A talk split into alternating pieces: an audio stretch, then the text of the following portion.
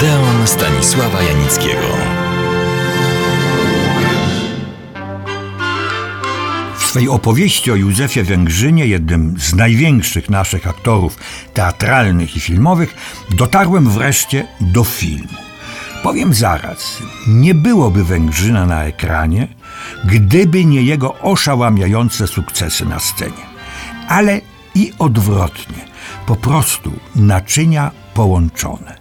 Józef Węgrzyn wystąpił, uwaga, w 56 filmach fabularnych. Pierwszym była Słodycz Grzechu z 1911 roku, ostatnim dwie godziny z roku 1946.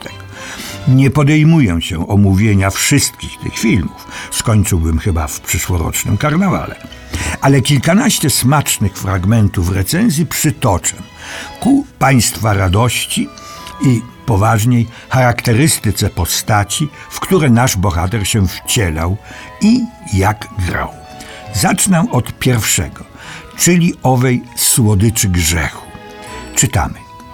Świetna gra ożywiła postacie papierowe, dała im rumieniec życia, gorącej krwi, uczyniła obraz ten bardzo ciekawym eksperymentem i silną, a subtelną podnietą do wzruszeń szlachetnych. Wierzyć się nie chce. Tak pisano o polskim filmie w 1911 roku. Już wtedy jednak zauważono, że dla Węgrzyna przysłowiowym stał się smętek kreowanych przezeń amantów.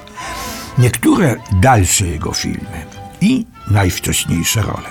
W studentach jest kochankiem samej Polinegri. W jego ostatnim czynie zaliczony został do ulubieńców Warszawy. W filmie Carat i jego sługi występował w otoczeniu 30 aktorek i aktorów. W carskiej faworycie wcielił się w postać rosyjskiego następcy tronu, zakochanego w prima ballerinie teatrów warszawskich. W tym samym czasie zagrał rosyjskiego korneta, obłędnie zakochanego w polskiej aktorce dramatycznej.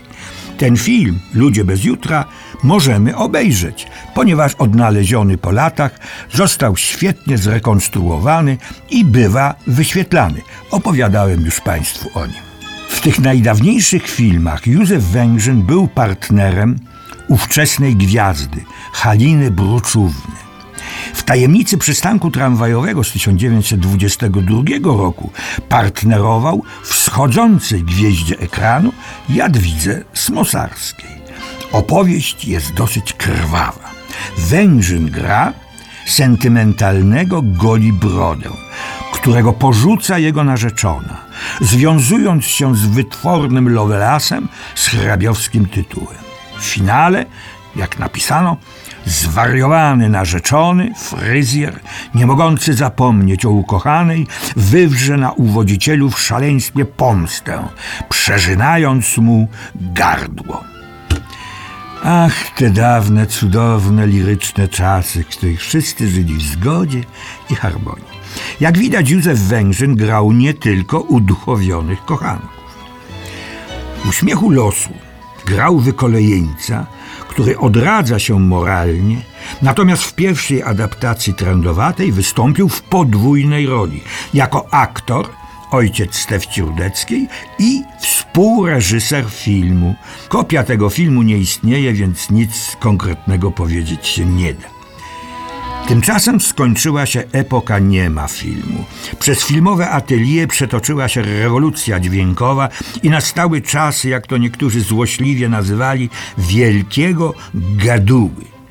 Jako dźwiękowe niemowlę dziesiąta muza rzeczywiście była strasznie rozgadana, ale potem wydoroślała i się ustatkowała. Pierwszym dźwiękowym filmem Józefa Węgrzyna było Dziesięciu Spawiaka. Gra tu przywódcę polskich rewolucjonistów, który przygotowuje zamach na generała carskiej żandarmerii.